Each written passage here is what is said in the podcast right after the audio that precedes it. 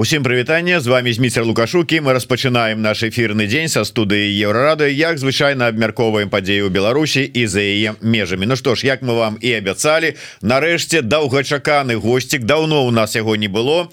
А, тым больш пры прыемна яго бачыць. Аналітык еўрапейскага савета па міжнародных адносінах былы супрацоўнікам ЗС Беларусі Павел слюнькін. Добрый день спадар Павел. Добрый день Дмитр. Дякую что знайшлі час і дайшлі. Адразу сразу я по звычцы на пачатку нашай праграмы раю усім подписываться ну на YouTube канал еврорады альбо нас і і на сацыяльныя сеткі наших гасцей.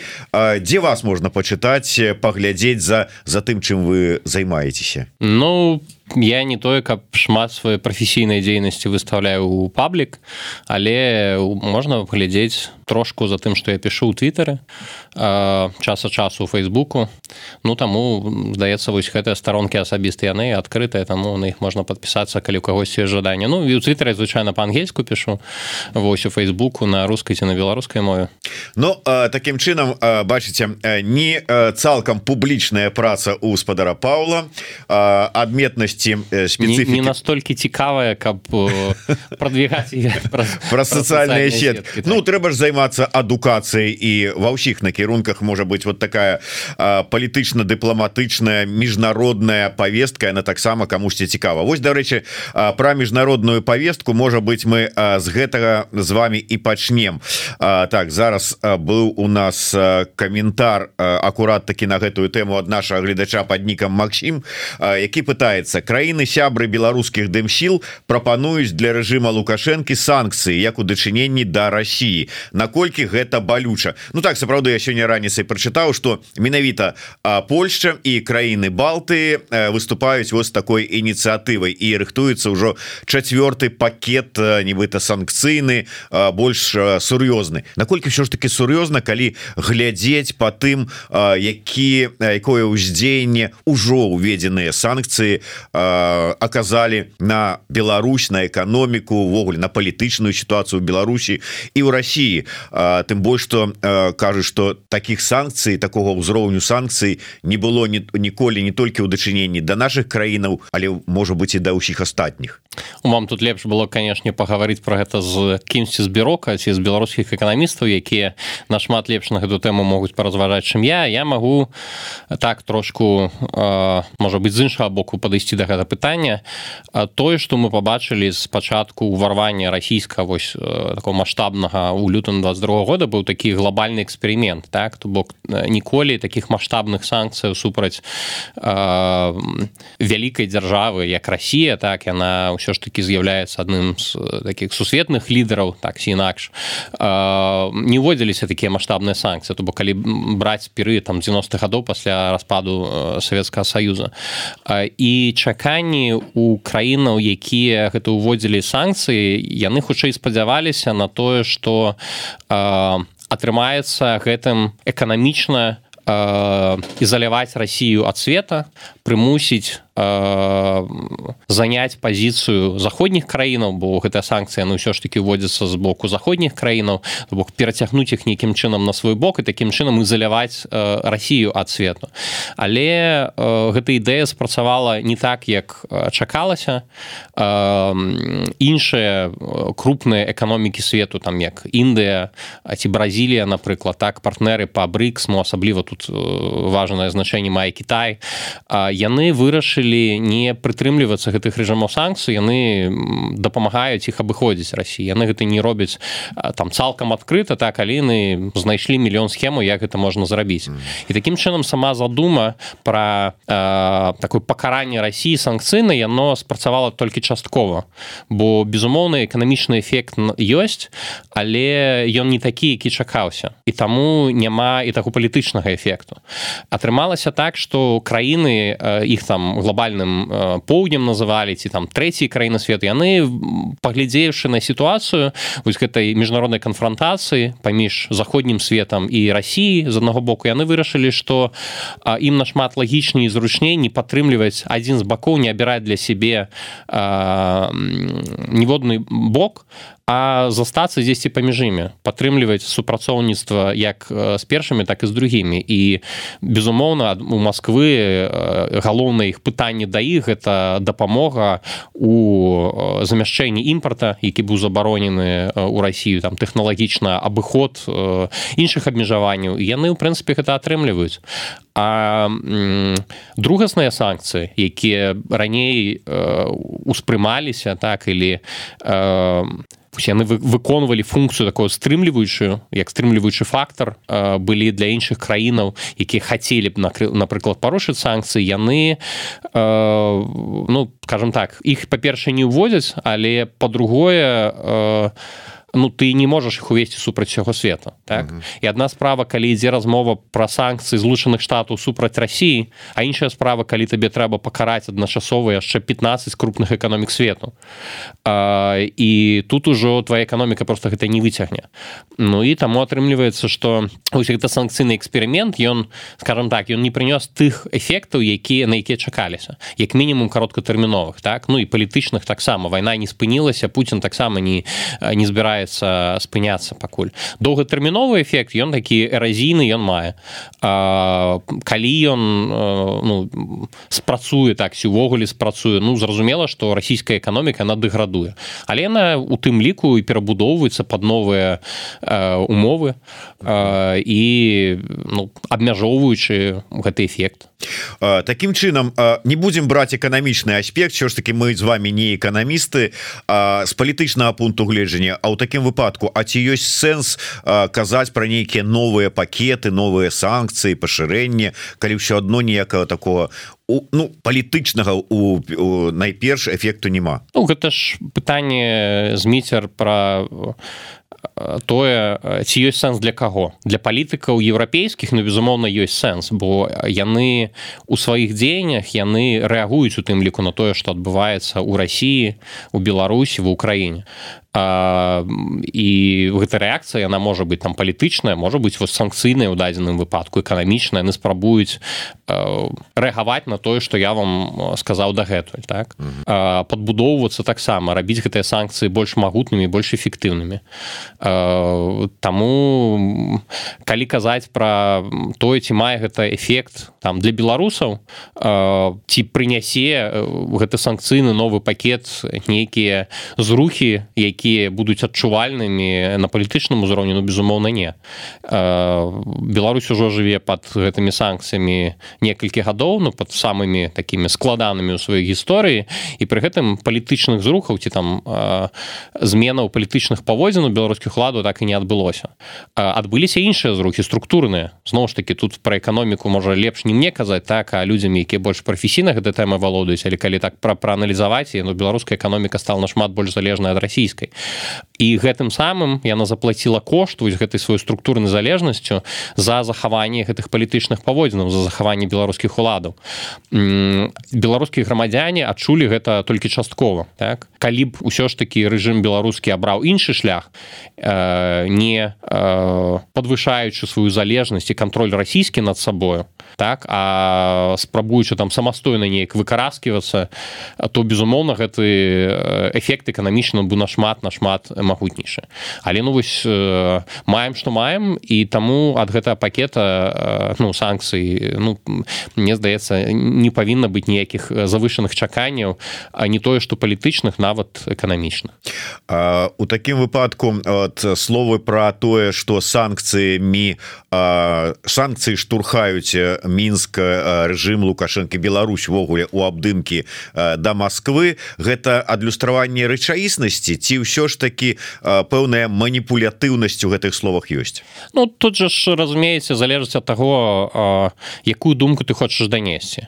Ці санкцыі маюць эфект эканамічны так ці яны самі по сабе прывязваюць Беларусь да Росіі не. Бо гэта выбор беларускіх уладаў рэагуюць рэагаваць на гэтыя санкцыі не тым каб выконваць нейкія там правілы міжнароднага свету э, правы чалавека змяняць паводзіны сваі там не трымаць палітычных вязняў і гэтыя санкцыі былі б знятыя так? Ці э, ніякім чынам не працаваць з першай крыніцай за якіх гэтыя санкцыі былі ўведзены і прывязваць сябе да рассіі і тут кажам розныя людзі вам дадуць розны адказ.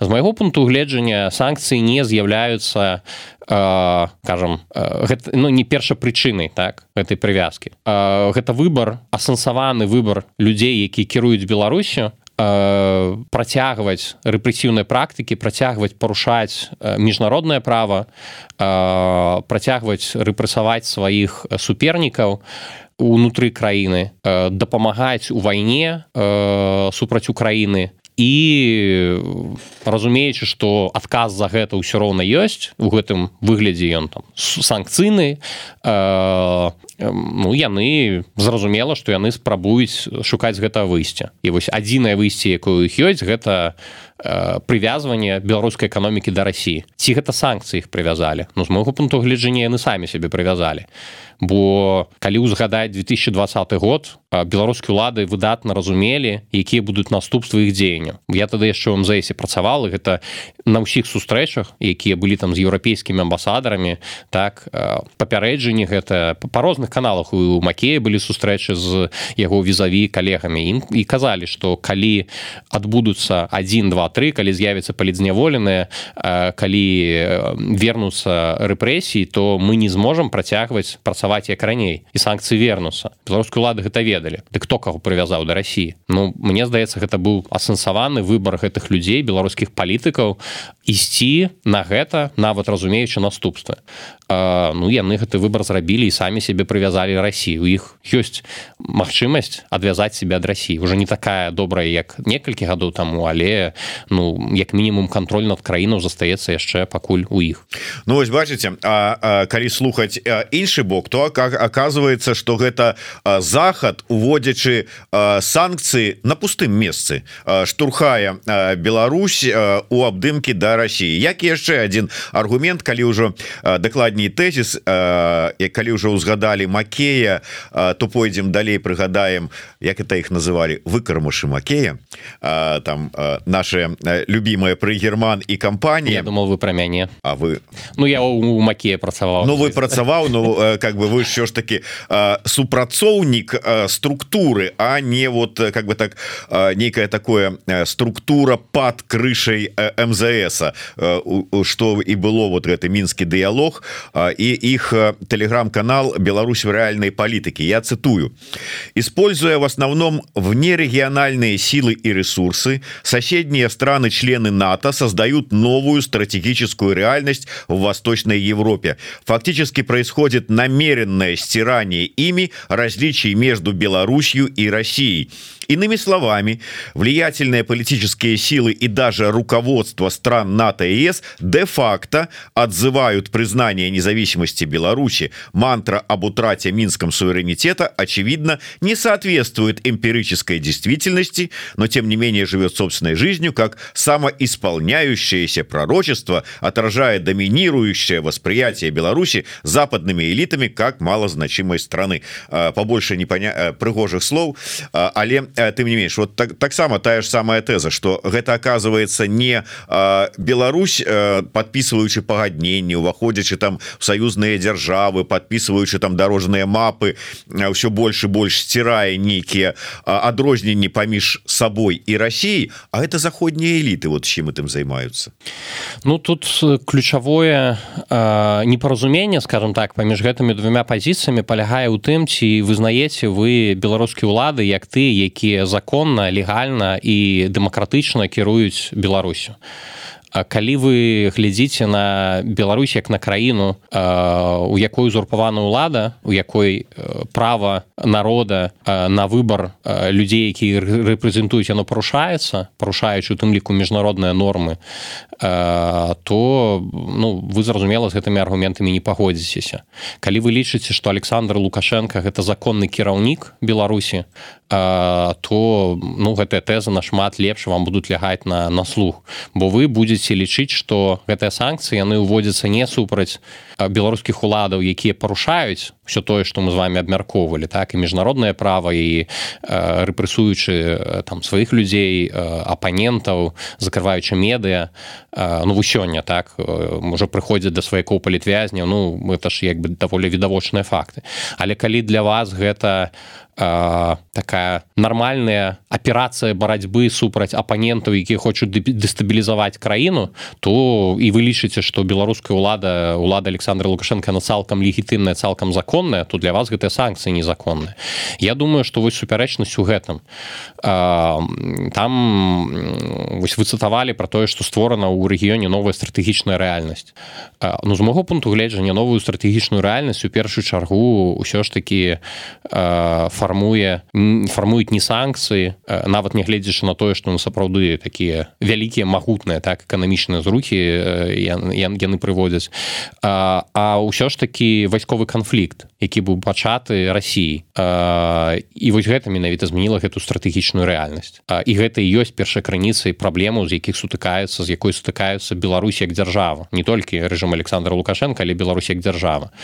Бо санкцыі уводзяцца супраць дзяржавы і пра гэта э, пішуць аўтары гэта даклада так ці там аналітычныя заметкі. Э, але гэтыя санкцыі уводзяцца ў першую чаргу за паводзіны э, беларускіх уладаў. Э, і для вільнюса вашынгтона і парыжа гэтыя санкцыі накладаюцца на нелегітымную ўладу. Яны накладаюцца на краіну але за дзеянні нелегітымную улады ну а калі вы лічыце что гэта одно і тое ж то ну безумоўна яны будуць для вас максімальна несправядлівымі. Ну так. А каб не э, думать что мы не читаем коментары і не звяртаем увагі на цікавасць наших гледачоў я зачитаю пытанне от Давіда палітыка. Як спадар слюнькин оценивая шансы на ордер супраць лукашэнкі ініцыятыва латушки асабліва улічваючы что апошні перабежчык асечкіна асечки оси осечкіна сведчыць афіцыйна пра вывоз дзяцей праз Беларусь з Украины гэта э, такое вельмі ёмкае складанае пытанне так і ў ім немагчыма э, ну пра яго немагчыма разважаць э, не маючы э, інфармацыі про то якія доказы злачынства у нас ёсць бо прызнанне э, злачынства но адбываецца там не не, палітычнымі аналітыкамі нават не не, не просто пажаданне так? Табе э, павінна у цябе павінна быць ахвяра э, павінны быць доказы э, і ты павінен гэту доказную базу прадставіць тым арганізацыям і органам э, праз іх легальныя працэдуры наколькі гэта ўсё магчыма і верагодна ну мне цяжка уявіць скажем так у мяне ёсць некаторая інфармацыя про тое на якім этапе мы знаходзімся але ну мне вельмі складана ацэньваць гэтыя шансы. Бо акрамя яшчэ ўсяго таго што я сказаў таких юрыдычных рэчаў з якіх усё і пачынаецца гэта ўсё можа э, упірацца ў палітычную волю. Бо беларускія дэмакратычныя сілы не з'яўляюцца суб'екта міжнароднага права. Э, і ім тут патрэбна дапамога дзяржаву якія з'яўляюцца суб'екты міжнародна права які маглі б гэтую справу рухаць наперад.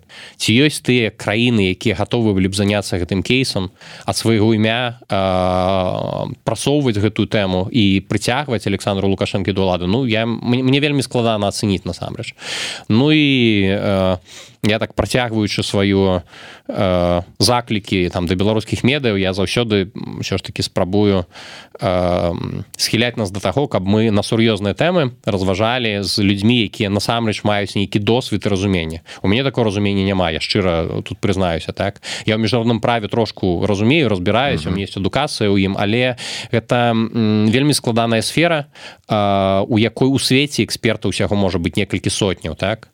Ну можа тысяч і таких кейсаў у свеце таксама было ну не тое каб вельмі шмат а таму давесці гэта да лагічнага завяршэння ну гэта такая справа ну вельмі складана і непроста. У тым ліку таму што табе патрэбныя доказы злачынству а яны могуць быць прадстаўлены толькі ахвярамі якія знаходзяцца на акупаваных тэрыторыях.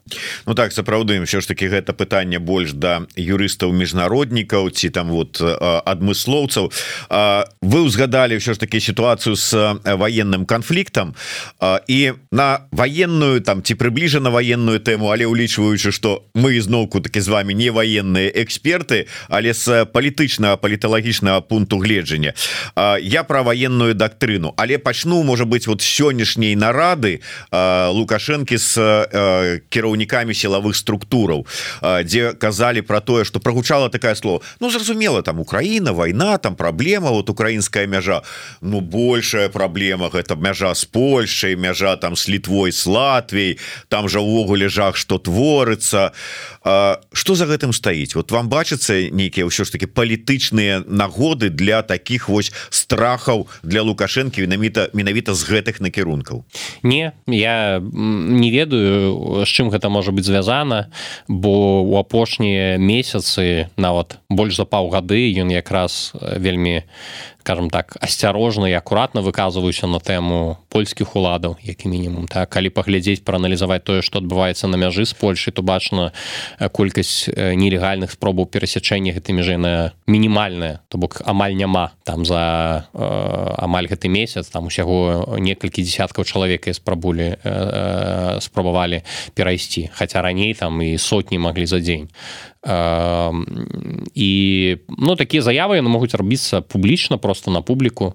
А за імі ну насамрэч можа нешта большее стаяць і тут у гадаць вельмі складана але я звярнуў увагу на тое что у еўрапейскіх краінах адбываецца пераасэнсаванне сваіх ну, ацэнак вось свае свайго вайсковага патэнцыяла uh -huh. і магчымасці прамога сутыкнення з Росіі міністр Швецыі я не памятаю гэта быў міністр замежных спраў ці міністр обороны здаецца другі ён якраз заклікаў шведскіх грамадзяну рыхтавацца до таго што вайна верагодная у сэнсе што Росія можа напасці.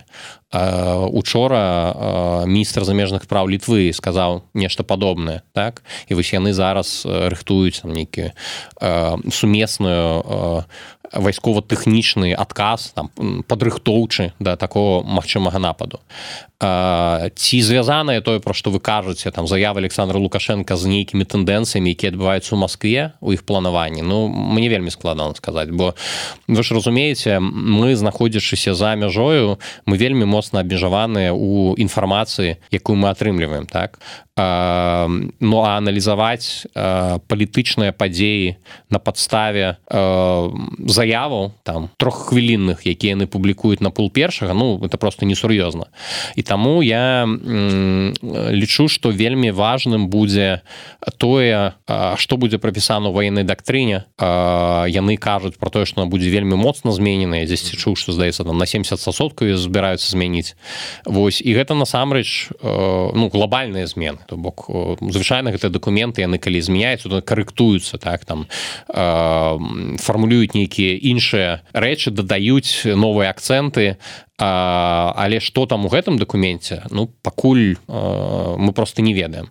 Я ну, глядзел... того что было агучано уже так. вот на что на что вот вы звярнули увагу ну нічога сур'ёзнага ці нова яны не сказали я бачу что у медыа у тым ліку замежных і украінскіх і беларускіх ян і чамусь яны звярнули увагу на заяву про тое что будзе створана адзіная абаронная прастора э, і что будзе уведзен нейкі артыкул по якому там напад на саюзнікаў беларусі ён будзе лічыцца нападам на Беларусь але ну адзіная абаронная прастора існуе у военной дактрыне саюзнай дзяржавы ўжо колькі гадоў. А у военной дактрыне беларусі таксама есть фармулёўка якая про гэта кажа. На не кажа наўпрост так что ну вось як гэта казаў у інтэрв'ю прадстаўнік міністэрства обороны які з'яўляецца там суаўтарам гэтай гэта документа але там фармулёўка такая трошку размытая але яе можна подвесці под гэта.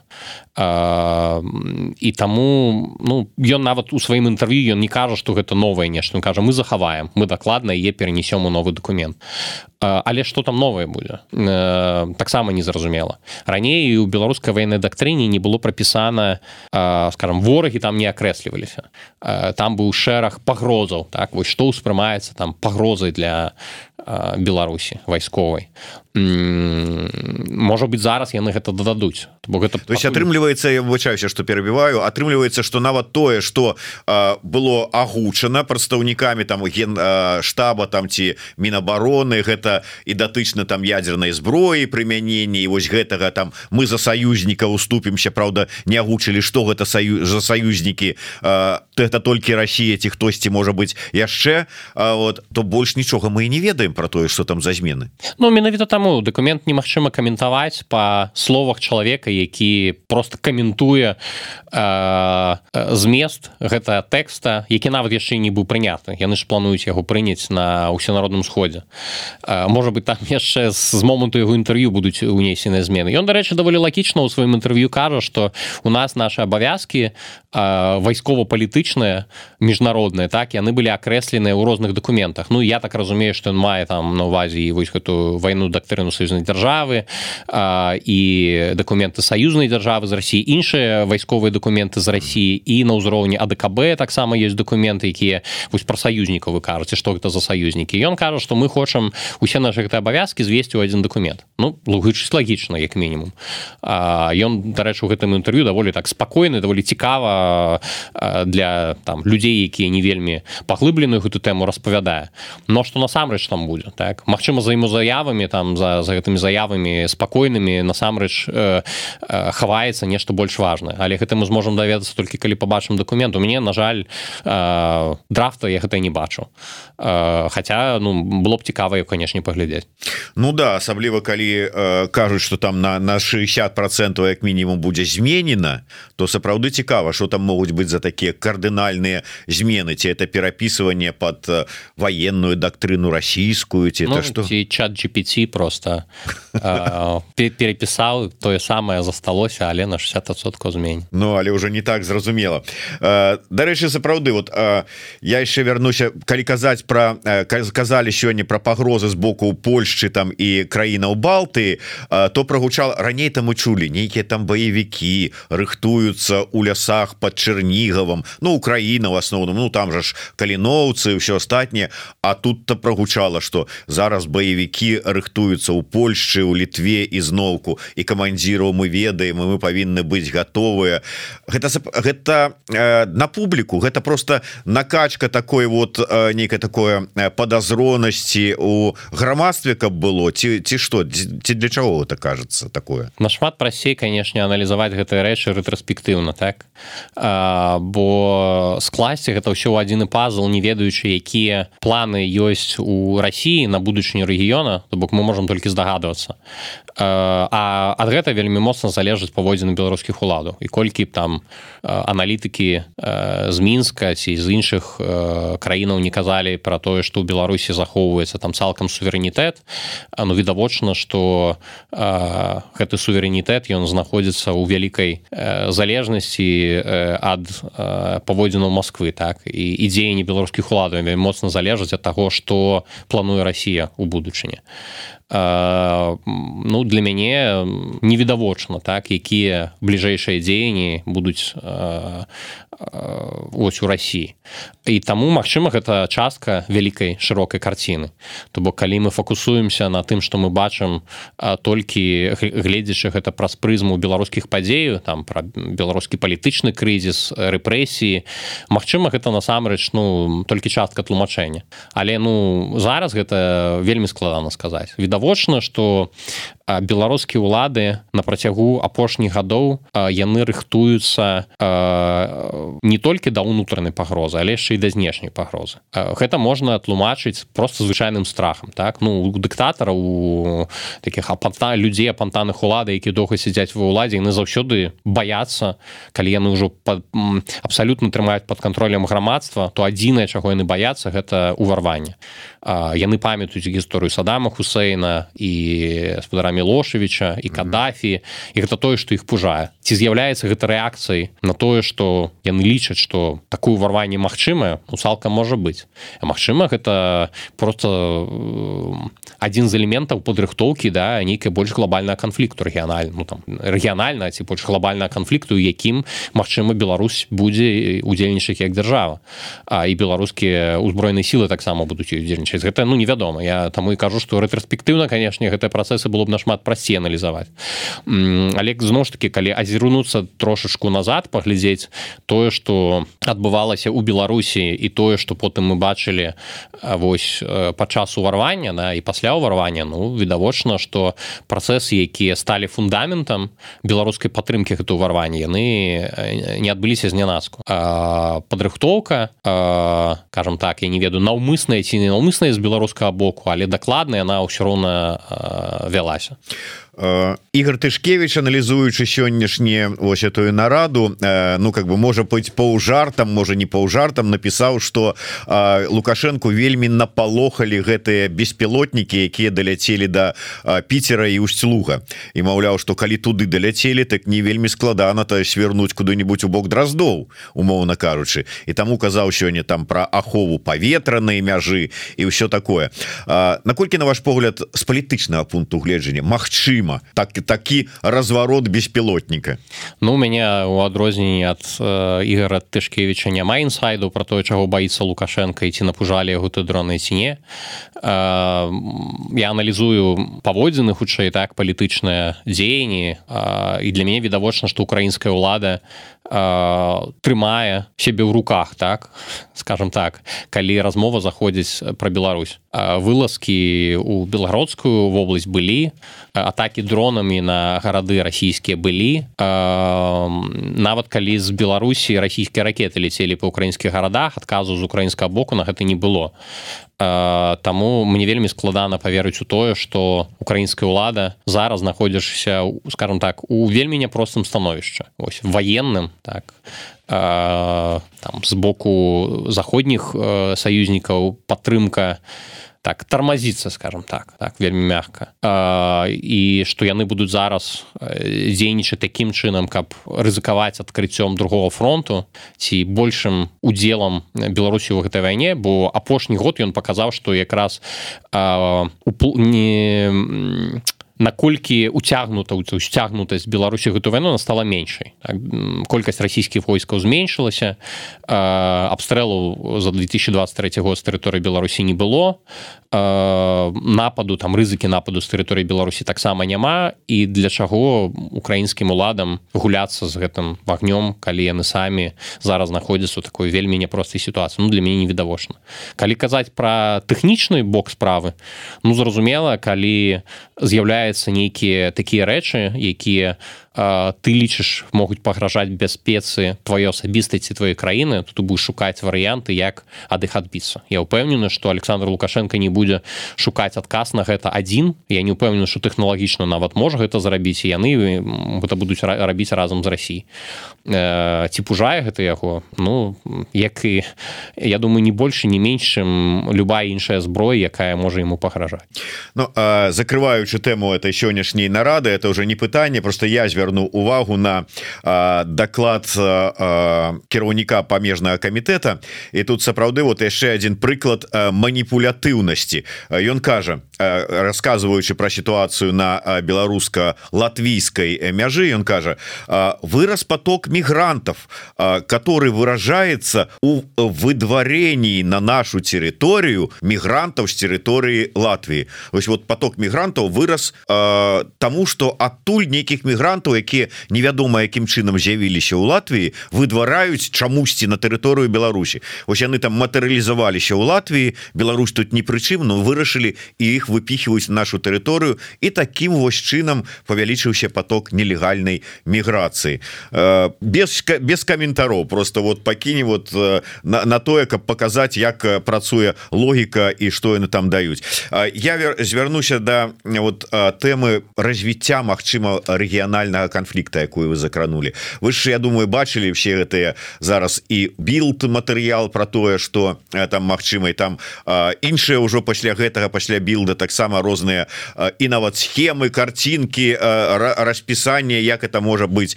Ваше ўражанне наколькі сапраўды верагодна такое ну супрацьстаянне ўжо краіна у НАТО і России так такія атаки я аднойчы быў скептыкам я побачыў гэтыя малюнкі більда здаецца снежан 21 -го года был так? Таму зараз я больш скептыкам не буду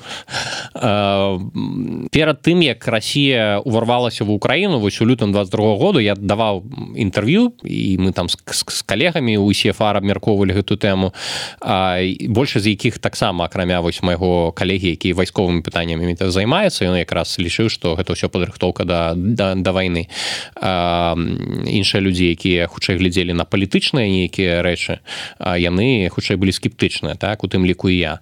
А і вось я даючы інтэрв'ю я казаў про тое что калі гэты напад адбудзецца то это напад ён будзе не пра Украіну а пра спробу полностью змяніць сусветны парадак то бок гэта такі апошні паход Пуціна для э, узнаўлення Росіі як такой вялікай магутнай краіны там не ведаю былога было велічы у тым ліку рэгіёне Европы. Вставанне з кален. Ну можна і так казаць так. Э, і пытанне было про тое ну наколькі ў яго атрымаецца так? Ну але відавочна што калі ты ідзеш вайсковым канфліктам вайной на іншую краіну то ты гатовы працягваць. То бок ты больш ці менш асэнсоўваеш свае рызыкі Ну і з таго што Пуін робіць апошнія два гады ну, для мяне відавочна што адступаць ён пакуль не збіраецца. Плюс тут э, по ходу падзею выявілася вельмі шмат цікавых рэчай якія былі нечаканымі у тым ліку для заходніх краінаў. Напрыклад что іх арміі абсолютно не падрыхтаваныя да войны і тэхнічна і колькасна і іх інфраструктура вайсковая там ліку там чыгуначнай лініі які б даводзілі напрыклад гэтую тэхніку да усходняй мяжы там да Польшы так калі на нае нападуць і прамысловасць якая выпрацоўвае снаряды іншыя іншыя ўзбраенні яна разлічвалася з падыходу таго што вайны глобальнай то есть у вялікай вайны не будзе. Атрымалася што вось яна. І вось яны сутыкнуліся з такімі абсалютна сур'ёзнымі выклікамі наконт таго а калі гэта напад адбудзецца А што мы будзем рабіць? Ну і прыйшлося разбірацца з гэтым і пакуль гэты працэс ідзе даволі складана. Пры гэтым ну зноў ж таки тут не буду прыкідвацца што я добры вайсковы аналітык так ім не з'яўляюся але ну у Росіі вайсковая прамысловасць там савецкіх часоў яна як мінімум засталася так? Вось у Росіі ніколі не хапала грошай на тое каб людзям газ правесці ў хаты ці туалеты паставіць у кватэры а, а вось на танкі і на іншую зброю нават калі яны невысокатэхналагічна але просто та якая можа забіваць. Вось на гэта заўсёды грошай хапала. І вось іх вайсковая прамысловасць она таксама як бы сутыкаецца з праблемамі я ну іх там не ўсё ідэальна але нашмат прасцей ім нарошчваць нейкі свой патэнцыял і па ацэнках зноў ж такі людзей якія разбіраюцца ў гэтых пытаннях лепшым я там ось дгп это адзін з такіх нямецкіх уплывовых фінктэнкаў публікаваў даклад про тое ж там ад 6 до 8 гадоў Росіі спатрэбіцца для того каб у іх атрымалася ўжо дастаткова васкового патэнцыялу для войны з нато. Хтосьці кажа про 3-5 гадоў ну і гэта сур'ёзныя такія званочки для краінаў нато. І вось гэтыя заявы про якія мы з вами казалі швецы літвы тое что Путін не збіраецца нікуды сыходзіць саступаць. Плюс сюды яшчэ дадаецца як адзін амерыканскі аналітык прафесор грэм алисон ён кажа про фактор трампа что зараз краіны не толькі там якія Росіі ці Китая яшчэ і заходнія партнеры там у Европе яны вельмі засцярогай глядзяць на тое что будзе праз год. Бо одна справа дамаўляцца зараз адміністрацыі байдена якая можа сысці а іншая справа что будзе рабіць трамп потым і у Еўропе на гэта глядзяць такой вельмі вялікай перасцярогаю або яны памятаюць што было калі трамп был ва ўладзе а ў рассіі на гэта глядзяць вялікай надзей А, а вы на гэта як глядзіце? Я не ведаю хто пераможа там я вас не прашу такую прадбачыць А вот просто ацэнка ваша бачанне. Ну, вот, прыйдзе там да. ну нічога добрага я ад гэта не чакаў як мінімум тое што ён кажа публічна тое што мы ведаем заяву еўрапейскіх палітыкаў якія з ім працавалі сам заяву вось з маіх размоваў з еўрапейскімі дыпламатамі і палітыкамі якія працавалі працуюць у мзсах ці там ва ўрадах аналітыкаў якія таксама працуюць там. Ну я ніводная пазітыўна водгука які б казалі што вось з трампам было добра што наше еўраатлантычнае партнерства там палепшылася узмацнілася няма. Затое было шмат заяву напрыклад там з гаспадарня меркель казала ж пасля размовы з трампам яна сваім паплечнікам казала ж нам трэба рыхтавацца до таго каб мы маглі абараняць себе самі а, бо трамп пужаў тым што злучаныя штаты збіраюцца выходзіць з нато. Наколькі гэта рэалістычна ну складана сказаць. Але ён шмат сваіх абяцанняў выконваў. І таму калі паглядзець на яго заявы про тое что ён з Росіі збіраецца дамовіцца па сутнасці са пахадзіўшыся саступіць частку украіны украінскіх тэрыторый Маскве таксама раней э, там ты хто яго падтрымліваю наказалі за то яго моцная пазіцыя па Китаю вось нядаўна у трампа было інтэрв'ю дзе ён якраз скажа про тое что не факт что злучаныя штаты і за Тайвань будуць заступацца калі Кітай акупуе. Таму ну скажем калі верыць таму что чалавек кажа то добрага чакаць нічога не стаў ну, дарэчы ёсць пытанне ну прыблізна на гэтую тэму ад нашага гледача па под нікам Энди Джонсон. Энди Джонсон як там Швейцарыі прывітання давно не былі у нас вы у каментатарскай ці адбываюцца прэвентыўныя контакты з прадстаўнікамі трампа куш кушнера на выпадак калі той выйграе выборы ў ЗША ну прэвентыўныя контакты у каго з кім Ну да не удакладнялася і ну я так разумею что наўрад ці там я не ведаю там умоўна у ціхановскай у латушки там ці ў шлюнькіна могуць быть такія контакты прэвентыўныя ці не. Ну але ну я не ведаю у мінска у Пуціна Ну мінска выхадаў туды на жаль для іх пакуль няма а, у Росіі ну як мінімум у іх захоўваюцца амбасада ў злучаных штатах і яны маюць магчымасць падтрымліваць гэтыя контакты хоць на нейкім узроўні праблема ж Росіі зараз у тым что яна вельмі таксічны партнёр. І зараз інфармацыя про магчымыя сустрэчы з расійскім амбасадарам ці з расійскім дыпламатам людзей з атачэння трампа ці байдена яны гулялі вельмі супраць іх. Э, бо падыгрывала б гэтае падазрэнні наконт таго што там трамп вельмі цесныя адносіны мае з крымлём. У гэтым яго абвінавачвалі ўвесь час калі ён быў ва ўладзе. І таму ну такія контакты цалкам магчымыя пытанні для мяне з'яўляецца на якім узроўні калі казаць пра еўрапейскіх партнёраў ну ну гэта частка дыпламаты частка палітыкі. Безумоўна ты шукаеш гэтых контактаў ты хочаш пачуць што гэтыя людзі думаюць як яны бачаць будучыню палітычную вайсковую Европы адносінаў. І канешне я ўпэўнены што еўрапейскія дыпламаты якія працуюць у злучаных штатах яны з гэтай задачай спраўляюцца і гэтыя контакты у іх ёсць. Просто пытанне про тое что яны не вырашаюць будучыню там лёс рэгіёну так? Яны хутчэй спрабуюць даведацца якія планы у магчымай новай адміністрацыі калі трамп прыйдзе да ўлады ёсць вось на а, там нейкі спіс пытання Ну вось Эндзі перадае вам нам з вами павел прывітанні і удакладняе что вот першая частка яго пытання менавіта тычылася дэмакратычных сілаў. Ці магчыма нейкія прэвентыўныя контакты мне складана ўявіць у каб э, была зацікаўленасць з боку э, адміністрацыі там трампа или людзей з яго атачэння. Зараз калі там засталося 10 месяцаў да выбараў да таких контактаў з беларускі дэмакратычнымі сіламі Ну просто таму што ў іх ёсць нашмат больш важное пытанне зараз.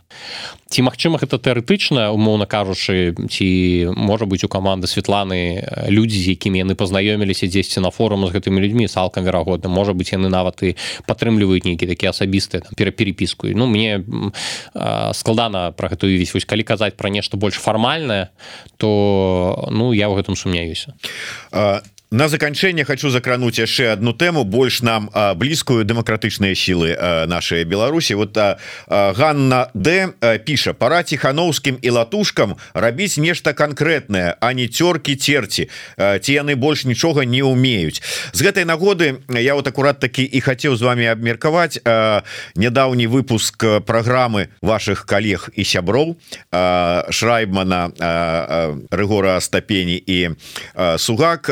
Дзе дзе закранули тэму что маўляў ну трэба нам дакладней не нам а дэмакратычным сілам Ну як выходзіць з парадыгмы двадцатого года і ўжо пераходзіць у рэальнасць не ставіць перад сабой нейкія палітычныя амбітныя мэты змены рэжыму а сказаць что мы вот недзяржаўная арганізацыя НДА умоўна кажучы якая займаецца абаронай правоў беларусаў за мяжой прадстаўляе можа быть беларусаў Ну і не больш затое так вот ваше бачанне ўсё ж таки ці варта нам ад этой от двадцатого года ўжо адыходзіць? Ну не нам з вами а вот лідарам дэмакратычных сілаў. І что гэта зменіць? Калены скажуць А вот мы ўжо как бы там не не пераследуем палітычныя нейкія амбітныя мэты а чыста НДА і что а я подзяліў бы адказ на две часткі про 2020 год мне здаецца я у вас быў у эфиры месяцу 8 таму можа паўгады таму якраз про гэта таксама казаў про тое что э, Беларусь вельмі моцна змянілася з двадцать -го года гэта вялікая траўма для ўсіх нас. Э, але нягледзячы на гэта нам калі мы хочам думаць про будучыню про эфектыўнасць нам не варта э, вось заўсёды опускацца вяртацца ў гэтую рэфлексію того что адбылося тады а справаць пра працаваць з той рэчаіснасцю якой знаходзімся мы зараз. Ну бо інакш мы э, подпитываемся нейкімі ілюзіямі якія Мачыма ўжо э, нават не блізкія так? Нават блізка іх у жыцці няма.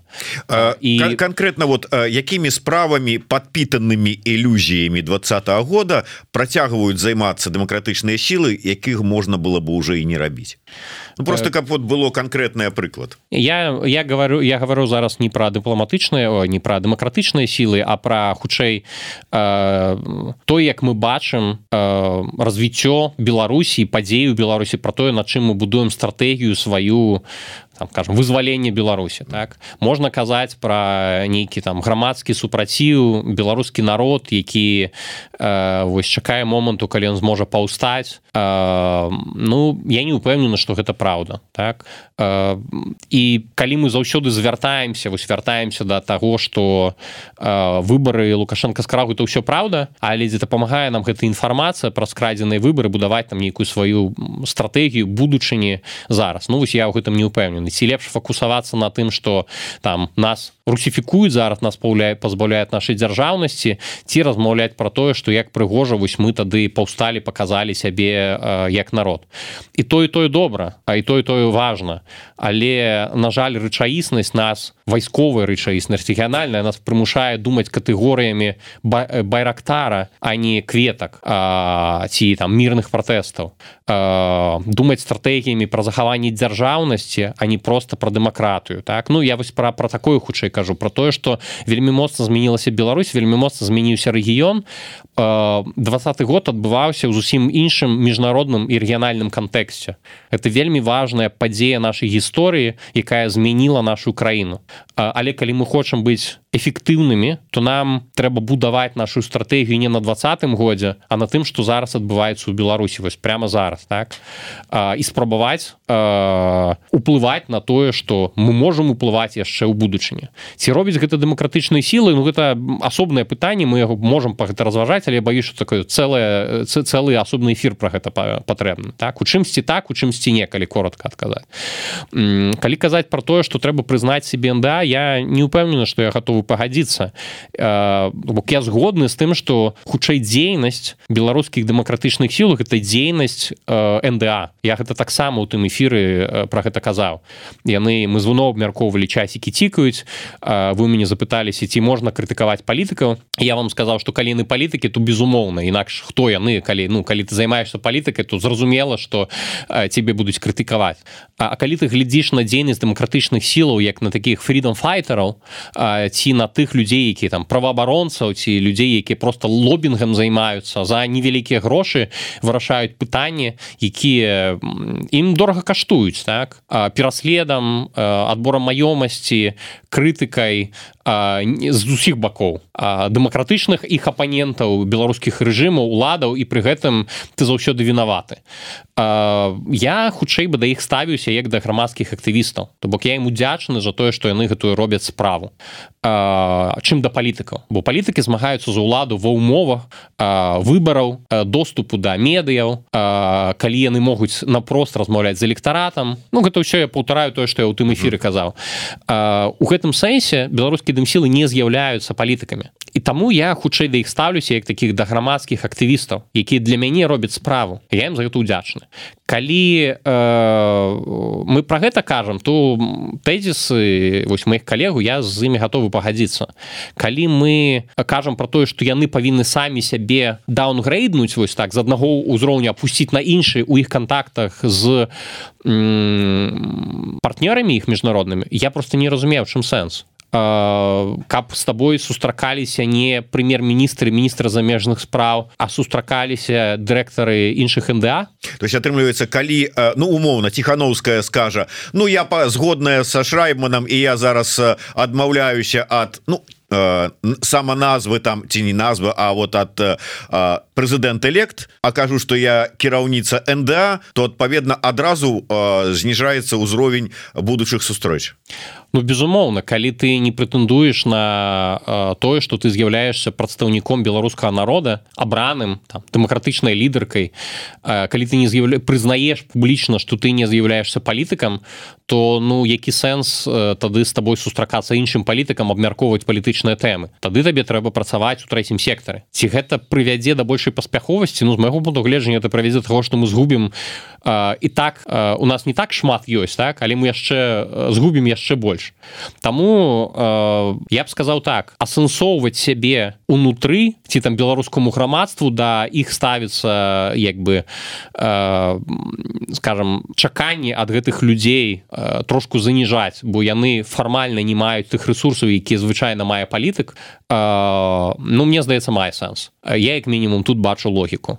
Калі казаць пра эфектыўнасць палітычную там то я не бачу сэнсу для чаго пазбаўляць себе яшчэ гэты ресурсу які пакуль ёсць.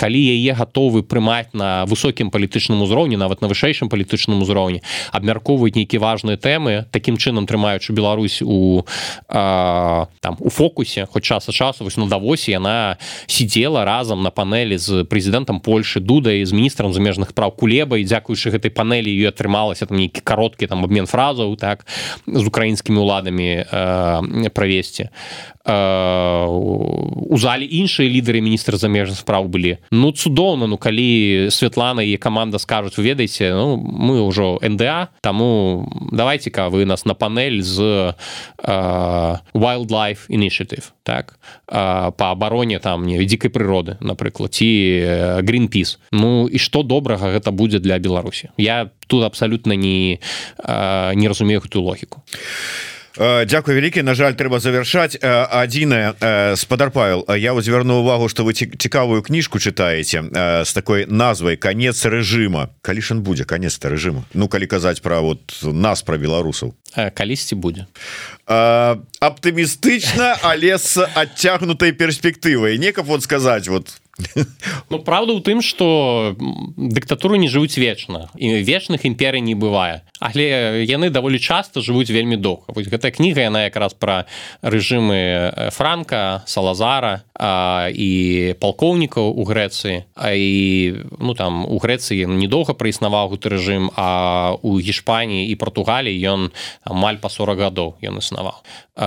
І там шмат можна правесці паралелю з тым што адбывалася ў беларусе прычым у залежнасці ад таго что зараз адбываецца у Беларусі ты мог бы праводзіць паралелі з рознымі эпізодамі вось гэтай французскай ой французскай гішпанскай ці португальскай гісторыі А і думаць вось яно ідзе по гэтай траекторыя потом эта траекторыя змяняецца по не бывае адзінай вось такой лінейнай перспектывы для гэтых рэжымаў по якой яны заўсёды рухаюцца так і па якіх можна прадказаць калі прыйдзе конец але ёсць одна вельмі важная прыкмета. Яны пачынаюцца і не заўсёды разбураюцца эвалюцыйным ці рэвалюцыйным шляхам а, і таму гэта пытанне часу. Некаторыя рэжыму дагэтуль існуюць там ну я не буду казаць так вы што паўночнай карэй дагэтуль ён ёсць у на кубе ён таксама ён эвалюцыянуе але ён не змяніўся у Кіта ён таксама вельмі моцна змяніўся ён пакуль не паў і таму і у беларусі гэта пытанне часу адзіная праблема што адказаць на пытанне калі гэта будзе і ці будзе гэта пры нашым жыцці ці праз тыдзень як бы ну гэта вельмі вельмі складан. І якім шляхам эвалюцыйным ці рэвалюцыйным але слухаючы вас у мяне вот заўсёды ну не заўсёды вот зараз вот калі вы казалі что да, да чаго скажем дым сімалам сыходзячы з рэалій беларускай беларусі сёння рыхтавацца мне адразу гучала фраза класіка ў галаве і вастрыце хлопцы косы Ну, Магчыма так. Беларусам як мінімум трэба вастрыць сваё здароўе сілы эмацыянальная псіхічная фізічная і быць гатовым да таго што як это не дай Бог жыць у час пераменаў так ось у Китае кажуць ось нам пашанцавала жыць у гэты час і каб яго перажыць трэба быць падрыхтаван Да на жаль не толькі перамены але і вайна і яшчэ якой толькі трасцы на нашыя гады тут зараз не выпала. Дякую вялікім Павел слюнькин Зміцер лукашук былі з вами в эфиры подписывайтесь на YouTube канал еврорада не забывайтеся толькі про бяспеку. Ну а, а про розныя псіхалагічныя нюансы дапамогу як сябе захоўваць у тонусе мы зараз паговорым з Сергеем доушавым і віолетай Нкіцік будзе цікава. Не адыходзьце далёка